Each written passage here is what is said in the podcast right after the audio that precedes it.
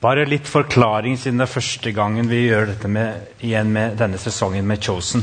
Nå skal dere få høre noen tekster som leses, og det tar utgangspunkt i den episoden som er den første av sesong tre. Og den fokuserer på at Jesus samlet mange mennesker og holdt bergprekenen. Nå får vi noen glimt fra bergprekenen som Ragnhild skal lese fra Matteus 5-7. Og så får dere et klipp fra første episode her. Det er tekstet, så følg godt med på teksten i hvert fall. Men det er altså fra en et møte mellom Johannes døperen og en som heter Johanna, og Andreas. Og Det er jo ikke noe som har skjedd, men det er en deres måte, måte å forsterke noe av det de har hørt i bergpreken. En fin sekvens som jeg hadde lyst til at vi skulle innlede samtalen om The Chosen-temaet om i dag. Vi skal høre tre tekster fra Matteus. Først Matteus 5, 1-12. Da Jesus så folkemengden, gikk han opp i fjellet. Der satte han seg, og disiplene samlet seg om ham. Han tok til orde og lærte dem. Salige er de som er fattige i ånden, for himmelriket er deres. Salige er de som sørger, for de skal trøstes. Salige er de ydmyke, for de skal arve jorden. Salige er de som hungrer og tørster etter rettferdigheten, for de skal mettes. Salige er de barmhjertige, for de skal få barmhjertighet. Salige er de rene av hjerte, for de skal se Gud. Salige er de som skaper fred, for de skal kalles Guds barn. Salige er de som blir forfulgt for rettferdighets skyld, for himmelriket er deres. Ja, salige er dere når de for min skyld håner og forfølger dere, lyver og snakker ondt om dere på alle vis. Gled og fry dere, for stor er lønnen dere har i himmelen. Slik forfulgte de også profetene før dere. Og så Matteus 5, 43-48. Dere har hørt det er sagt, du skal elske det neste og hate din fiende. Men jeg sier dere, elsk deres fiender. Velsign dem som forbanner dere. Gjør godt mot dem som hater dere, og be for dem som mishandler dere og forfølger dere slik kan dere være barn av deres far i himmelen. For han lar sin sol gå opp over onde og gode, og lar det regne over rettferdige og urettferdige. Om dere elsker dem som elsker dere, er det noe å lønne dere for. Gjør ikke tollerne det samme? Og om dere hilser vennlig på deres egne, er det noe storartet. Gjør ikke hedningene det samme? Vær da fullkomne, slik deres himmelske Far er fullkommen og så Matteus 6, 33-34. Søk først Guds rike og hans rettferdighet, så skal dere få alt det andre i tillegg. Så gjør dere ingen bekymringer for morgendagen. Morgendagen skal bekymre seg for seg selv. Hver dag har nok med sin egen plage. Slik lyder Herrens ord. John, are you all right? What are you doing here? So worried. Praying for you every day. You've got a new rabbi now. The rabbi. Focus on him. Anything new? So much. Tell me what he said. N- nothing that made sense. Everything backwards. Um, the, the poor, the grieving, the meek, all elevated. Blessed. Yes, and other things reversed. Love your enemies. Who can love their enemy? He can. How many people were there? Thousands. Thousands. Wonderful. Wonderful. What else? John, what can we do for you? How? How can I help? Help. You're helping me by what you're sharing. You know what I mean. Come here. Andrew. In all that he said to those thousands of people, there was something just for you. For what you are going through. There always is. Andrew, if you want to help me, listen to him. Go home and do what he says. That's what I want.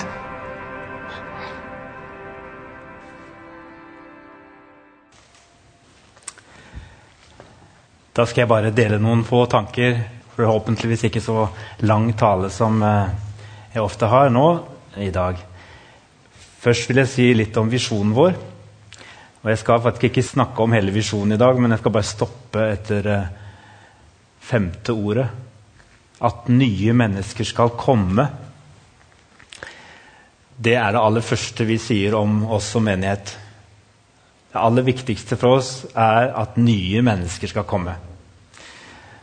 Det er nesten sånn at for å kunne komme i bymenigheten, så Og du kjenner deg litt ny hele tida. Vi ønsker selvfølgelig at mennesker som ikke tror på Jesus, som ikke er med i noe fellesskap, skal komme til oss. Fordi vi tenker at eh, hele poenget med å være menighet, eller i hvert fall være bymenigheten, det er at vi skal være der for de som av en eller annen grunn ikke har funnet fram. Og så er vi her, et fellesskap, tar vare på hverandre. Og så har jeg hørt ganske mange si at eh, det er nesten så jeg hører noen si det er nesten, de er litt misunnelige på de som er helt nye. For det virker litt sånn kjekt å være helt ny. For da er det stort sett noen som kommer bort og snakker med dem og sier Nei, har jeg ikke sett før. Og at de er ganske gode på det, egentlig. Å ta imot. Vi har et flott velkomstteam. Men, å være nesten ny, det er ikke så enkelt. Å ha vært her i flere år og ikke alltid kjenne seg helt til stede fordi man kanskje har vært borte en stund eller har mista de som man var mest sammen med, ja, da kan det å være, ha vært en stund i menigheten faktisk være ganske krevende. Men Jeg har lyst til å bare oppfordre deg til å, at alle oppfører seg som om de er nye i dag. Oppfør deg som om eh, det er lenge siden du har vært her, og at du er nysgjerrig på å treffe mennesker som du kanskje ikke kjenner så veldig godt. Eh, vær nysgjerrig og sett kanskje andre først, og spør andre hvordan de har hatt det det siste. Men, men hvis alle er opptatt av alle oss som på en eller annen måte kjenner oss litt nye, så tror jeg vi alle sammen også kan kjenne at vi er inkludert. Og Det sier jeg ikke fordi det er sånn fint, det er fine ord som hvem som helst kunne si, men jeg, jeg har det med meg både fra visjonen vår, men jeg har det også med meg fra det Jesus lærer oss. Vi har kalt temaet i dag for 'Jesus i byen'. og det er fordi i sesong tre så er vi tilbake i distriktet der hvor Jesus eh, samler sine første disipler. Men vi møter ham på en måte i interaksjon med mennesker i bybildet. Og så har jeg tenkt på det med at Bymenigheten er jo en menighet for byen Sandnes. Men bare det å si om oss selv at vi er en menighet for byen, det syns jeg kan være ganske sånn fremmedgjørende. Jeg tenker, jeg forsvinner i denne byen Sandnes. Når jeg tenker meg som én i byen Sandnes, så tenker jeg ofte en by med så masse mennesker og mange som jeg ikke kjenner. Noen snakker heller om landsbyen. Og det er fordi at Uansett hvor vi bor, hvilken bydel vi bor i, og om vi kjenner oss mest som nordmenn eller stavangerfolk, eller hva vi gjør, så har vi et lite nabolag rundt oss. og Det er et godt uttrykk å si at vi har en landsby rundt oss. Fungerer den landsbyen? Fungerer nettverkene rundt oss? Er det sånn at vi hilser på folk, ser folk og minner hverandre på at vi er en del av et eller annet samfunn? At da er vi kanskje landsby. Jeg ønsker at vi skal være bymenigheten Sandnes som opptrer som om vi er i en landsby. Som tar seg av hverandre. At vi ikke opptrer som om vi er i en upersonlig by. Der ingen egentlig bryr seg om hvem som bor i nabolaget. Jesus er i byen. Og han samler tusener av mennesker til tidenes største og viktigste og mest berømte tale, skal det vise seg. Og vet vi jo ikke helt nøyaktig om han holdt én og samme tale akkurat på den måten, men i sin visdom har vi i hvert fall fått samlet dette her på litt forskjellige måter hos evangelistene. Og hos Matteus så er det blitt kalt for bergpreken, for alt står mellom kapittel 5 til 7. Og vi regner dette for å være det ypperste og mest essensielle av Jesu undervisning og lære. Og det var mange mennesker som hørte på. De aller, aller nærmeste vennene satt tettest, og han henvendte seg til dem som han kjente. Men de satt bak alle sammen. og får dere se på denne sesongens første episode noen glimt fra dette her, hvordan det har sett ut med dette svære sommermøtet der han samla tusener. Og så, og så, tenker jeg igjen, Det blir veldig fort veldig upersonlig å sitte der blant mange tusen, og så står Jesus der framme og snakker. Ha igjen syns jeg denne episodeklippet fra besøket hos Johannes døperen i fengsel får fram noe viktig. Johannes han spør ja, det var mange tusener der, Andreas, men hva sa han til deg? Ja, det syns jeg er fint. En påminnelse Det er fryktelig lett å bare se seg som en av mengden, også i menighetssammenheng. Min oppfordring til eh, dere, uten at jeg skal tale så veldig lenge i dag, det er å, å gå hjem og lese kapittel 57 i Matteus 57, og så bare be denne bønnen. Jesus, tal til meg. Hva taler du til meg i bergpreiken i dag? Fordi han taler ikke bare til alle de tusener, men han har et personlig budskap til hver enkelt av oss. Det kan være et budskap som utfordrer, og som kanskje vekker oss til omvendelse. Eller det kan være til trøst. For du har alt i bergpreika med Fader vår akkurat i midten. Med en bønn om nåde, om å bli tilgitt, som på en måte essensen midt i. Men alt det han sier, handler både om å bli rykket opp fra det livet vi lever. Vi minnet om å være fullkomne. Motkultur. Helt annerledes enn de vi var vant til å høre. Backwards, all backwards, sa hun her. Alt er bak frem. Men det er Jesus. Og så disse ordene om å ikke være bekymra, som er også veldig tidløse. Og Jesus han er ganske direkte. Han sier når dere bekymrer dere for morgendagen og bekymrer dere for mat og klær og alt dere skal ha for å leve, ja, da er dere som hedningene. Sånn. Det er hedningen som er opptatt av det. Hva er det han mener med dette her? For det henger jo ikke helt sammen med resten av bergpreika. For det er jo ikke sånn at han ber disiplene om bare sette seg ned og være passive. Og la bare ting flyte og skje. Det ordner seg nok, som eh, noen sier. Det er jo ikke det heller. Og Arne Garborg han eh, plundra med dette her. Forfatteren Arne Garborg er forfatteren som først turde å kalle seg kristen igjen mot slutten av livet. for Han var en sånn fritenker. Han skrev en bok som heter 'Bondestudenter'. Jeg husker jeg leste den da jeg var 18-19 år. faktisk, jeg måtte lese den på skolen og bondestudenter. Der beskriver han noen ganske fattige som reiser inn fra Jæren og inn til Oslo og storbyen og skal bo der. Og, de, og han herre, hovedpersonen, Braut, heter han til veteran, eh, han eh, plundrer med denne bergpreika og spesielt disse ordene om at en ikke skal bekymre seg. Og Hans løsning på det må være at det er, det er liksom todelt. dette her. Disse ordene skal leses til de rike. Til presten i bygda. Når han leste det, og han hadde jo god råd og til de som har god stand, ja, de trenger ikke å bekymre seg for morgendagen. Men så er det på en måte, det skal nok ikke lese av oss som er fattige. For hvordan vil det gå hvis vi ikke bekymret oss for maten vi skal ha på bordet i morgen? Nei, Vi må nok jobbe og streve og slite, vi. Dette skriver reflekterer Arne Garborg om i denne boka. Og setter kanskje ord på sånt, et sånt dilemma som har vært til alle tider. Gjør Jesus det litt for enkelt her? Er det sånn at vi ikke skal ta på alvor at vi er faktisk nødt til å ta oss sammen og få oss en jobb og yte til samfunnet for at vi skal ha mat på bordet i morgen. Og Da må vi kanskje tilbake til skapelsesfortellingen og det grunnlag som ligger der for hele fortellingen om vår tro og vår tilværelse. Og se på det som skjer i verden i dag, med et kristent blikk. Og I første Mosebok kapittel 1 så står det at Gud skapte mennesket i sitt bilde. Til mann og kvinne skapte han dem. Og så står det noe om at de, de skulle råde over alle dyrene og fiskene og plantene og alt som var, og fylle jorden. Og når syndefallet kommer, så forrykkes noe av denne planen med at vi har skapt til å være Guds representanter og utfylle Han her på jorden. Det som egentlig skjer da, det tror jeg er noe av det som på en måte ligger som bakteppet når Jesus sier at det er hedningene som er opptatt av hvordan vi skal ha det i morgen. Jo, for det, det er hedningene som, som ikke har noen gud, og som tar Guds plass og tror at de selv skal sørge for at skaperverket holdes i live, og at alle skal få mat, og at alt skal gå bra. Det er når vi setter oss selv i Guds plass og tror at det er vi som er hovedskaperne det er da vi kommer ut av balanse. Og det er da også både miljøet og menneskene rundt oss kommer i konflikt med hverandre. Når Jesus sier 'ikke vær bekymret for morgendagen', så sier han ikke 'vær passive tilskuere og la ting bare skje'. Han er fortsatt den samme sønn av far som skapte alt, og som satte mennesket til å forvalte og til å være Guds representanter på jorda. Men jeg tror han minner sine disipler om at eh, når dere begynner å produsere selv og tenke at alt skal skje i deres egen kraft, så driver dere rovdrift både på dere selv og på skaperverket. Men se på fuglene. De glir inn. De gjør akkurat det de er satt til å gjøre. De har sin funksjon. Tar ikke en større plass enn de skal ha. Blomster på marken, de er der, de vet hva de skal gjøre. Og de vet også at de blir tatt vare på, fordi de har sin funksjon og sin plass. Det tror jeg Jesus minner om når han ber dem om å ikke bekymre seg.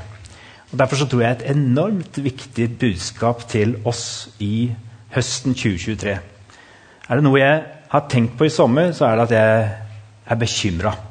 Jeg kan ikke si at jeg, har, jeg kjenner på sånn veldig stor frykt, for klimautfordringene har ikke kommet så tett på meg. Jeg har ikke, hatt, jeg har ikke opplevd dette ekstremværet rett rundt meg, men det har kommet mye mye nærmere enn noen gang. I går snakket jeg med en som hadde vært på Hawaii en uke før denne brannen tok en hel by på bare sekunder. Og når vi hører om sånne ting, og det er våre, folk vi kjenner som har vært i nærheten av det, og som har opplevd flom og som har opplevd ekstremvarme, og som tenker dette her er ikke normalt, dette er ikke sånn det skal være, da tror jeg noen av dere kan begynne å kjenne at bekymringene begynner å snike seg på. Og for meg kjenner jeg også på skyldfølelse. Ikke sånn personlig individuelt, men jeg kjenner det er et eller annet som er i uorden her. og Det er ikke bare vår generasjon, men sannsynligvis våre foreldre og besteforeldre og oldeforeldre. Vi har kommet ut av kurs, og nå slår det tilbake på oss. Og Da trenger jeg et budskap som ikke bare passiviserer meg, men som setter på, måte, ting i, på rett plass. Også i møte med dette. Også i møte med denne snikende frykten av at vi ikke vet hvordan skal gå med jorda vår. Har vi et ansvar? Ja, men hva slags ansvar har vi? Nå er vi tilbake til første Mosebok og den forvaltningen som vi ble satt til da, og sånn det var egentlig tenkt. En sånn påminnelse til hverandre om at vi lever ikke i denne lykketilstanden i første Mosebok. Vi lever i lys av syndefallet. Så jorda, den er sykemeldt. Og det er det som er vårt budskap til mennesker rundt oss. Ikke sånn det kommer ikke til å gå likevel, så det er ikke vits å gjøre noe som helst. Men å si ja, men dette har vi visst.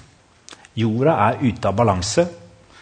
Og når menn og kvinner som bilde på menneskelig fellesskap lever i kamp og konflikt, som i et nullsumspill der man tror at det alltid kommer til å være noen som vinner, og noen som taper, da er det hele tiden et symptom som viser at Jorda er ute av balanse etter syndefallet. Og vi kjemper med stadig nye utfordringer. I vår generasjon er det særlig dette som har med utnyttelse av naturens ressurser å gjøre. At vi har overforbruket naturen. Men det handler hele tiden om at vi har tatt Guds plass. Hva sier vi til hverandre? Hvordan lærer vi hverandre om dette her? Vi sitter jo i det alle sammen. Det er ingen her som kan sitte og si at vi kristne er bedre enn de andre i byen her.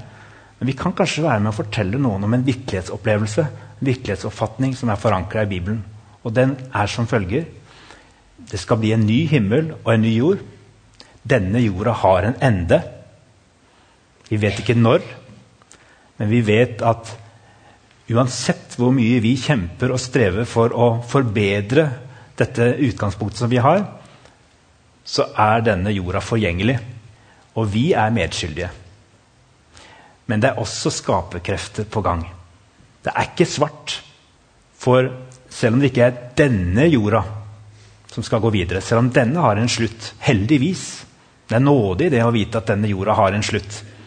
Men fordi vi vet at det skal komme en ny himmel og en ny jord, så sitter vi ikke bare stille passivt og venter på det, men vi ber med Jesus i bergpreika, Fader vår, skje din vilje på jorden slik som i himmelen. Det skal vi ikke bare si, vi skal ikke bare be det, men vi skal være med på at Gud virkeliggjør og bryter gjennom inn i denne verden med himmelkrefter. Eller himmeljordas krefter. For det er ting på gang som viser håp. Hvorfor? Jo, fordi Jesus er i byen. Og fordi Jesus har bekjempet dødskreftene på korset. Han har stått opp igjen som førstegrøden av oss som tror på ham, men også førstegrøden av et, et skaperverk som skal fornyes. Er det håp i dette? Jeg håper det. Jeg håper vi kan lese disse ordene om ikke være bekymret og ta det til oss og tenke ja, Jesus er i byen. Det maner meg til omvendelse, til handling. Fordi håpet, det gir grunn til å spørre oss selv hva slags løsninger kan vi ha sammen for å ta vare på hverandre og ta vare på jorda vår. Og ikke bare karre til oss, men å tenke at det, det blir nok når vi ser på alt det vi har fått i lys av at Gud har skapt oss, og Gud tar seg av oss. Det er et enormt sterkt budskap. Det er så radikalt annerledes enn det de aller fleste som ikke har Gud, kan tenke seg til. Og Det er så brennende aktuelt. La oss dele det med hverandre. La oss invitere på alfa. La oss invitere inn i grupper, la oss invitere til gudstjeneste. Og holde opp eh, denne kampen for en annen virkelighetsforståelse enn den som møter oss blant de som vil si det er håpløst. Vi har ingen framtid. Vi går under. Ja, kanskje jorda går under, men vi skal kjempe for en jord som ser ut som den himmeljorda som kommer. At nye mennesker skal komme til tro på Han som kan virkeliggjøre det. La oss be. Takk, Herre Jesus, for uh, en ny høst. Takk for at uh, du skaper noe nytt.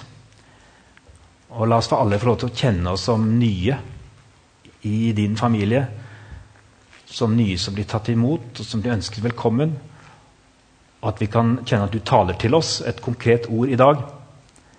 Ikke bare som en i mengden, men at du har et ord til oss. Til meg så handler det om klimafrykt. Hos andre så handler det kanskje om andre bekymringer. Jeg ber om at uh, alle sammen skal kjenne seg truffet av uh, ditt gode ansikt, at du ser på dem, og at du sier noe til dem i dag som sender oss alle sammen ut i hverdagen og ut i virkeligheten. Takk for at du er i byen. Amen.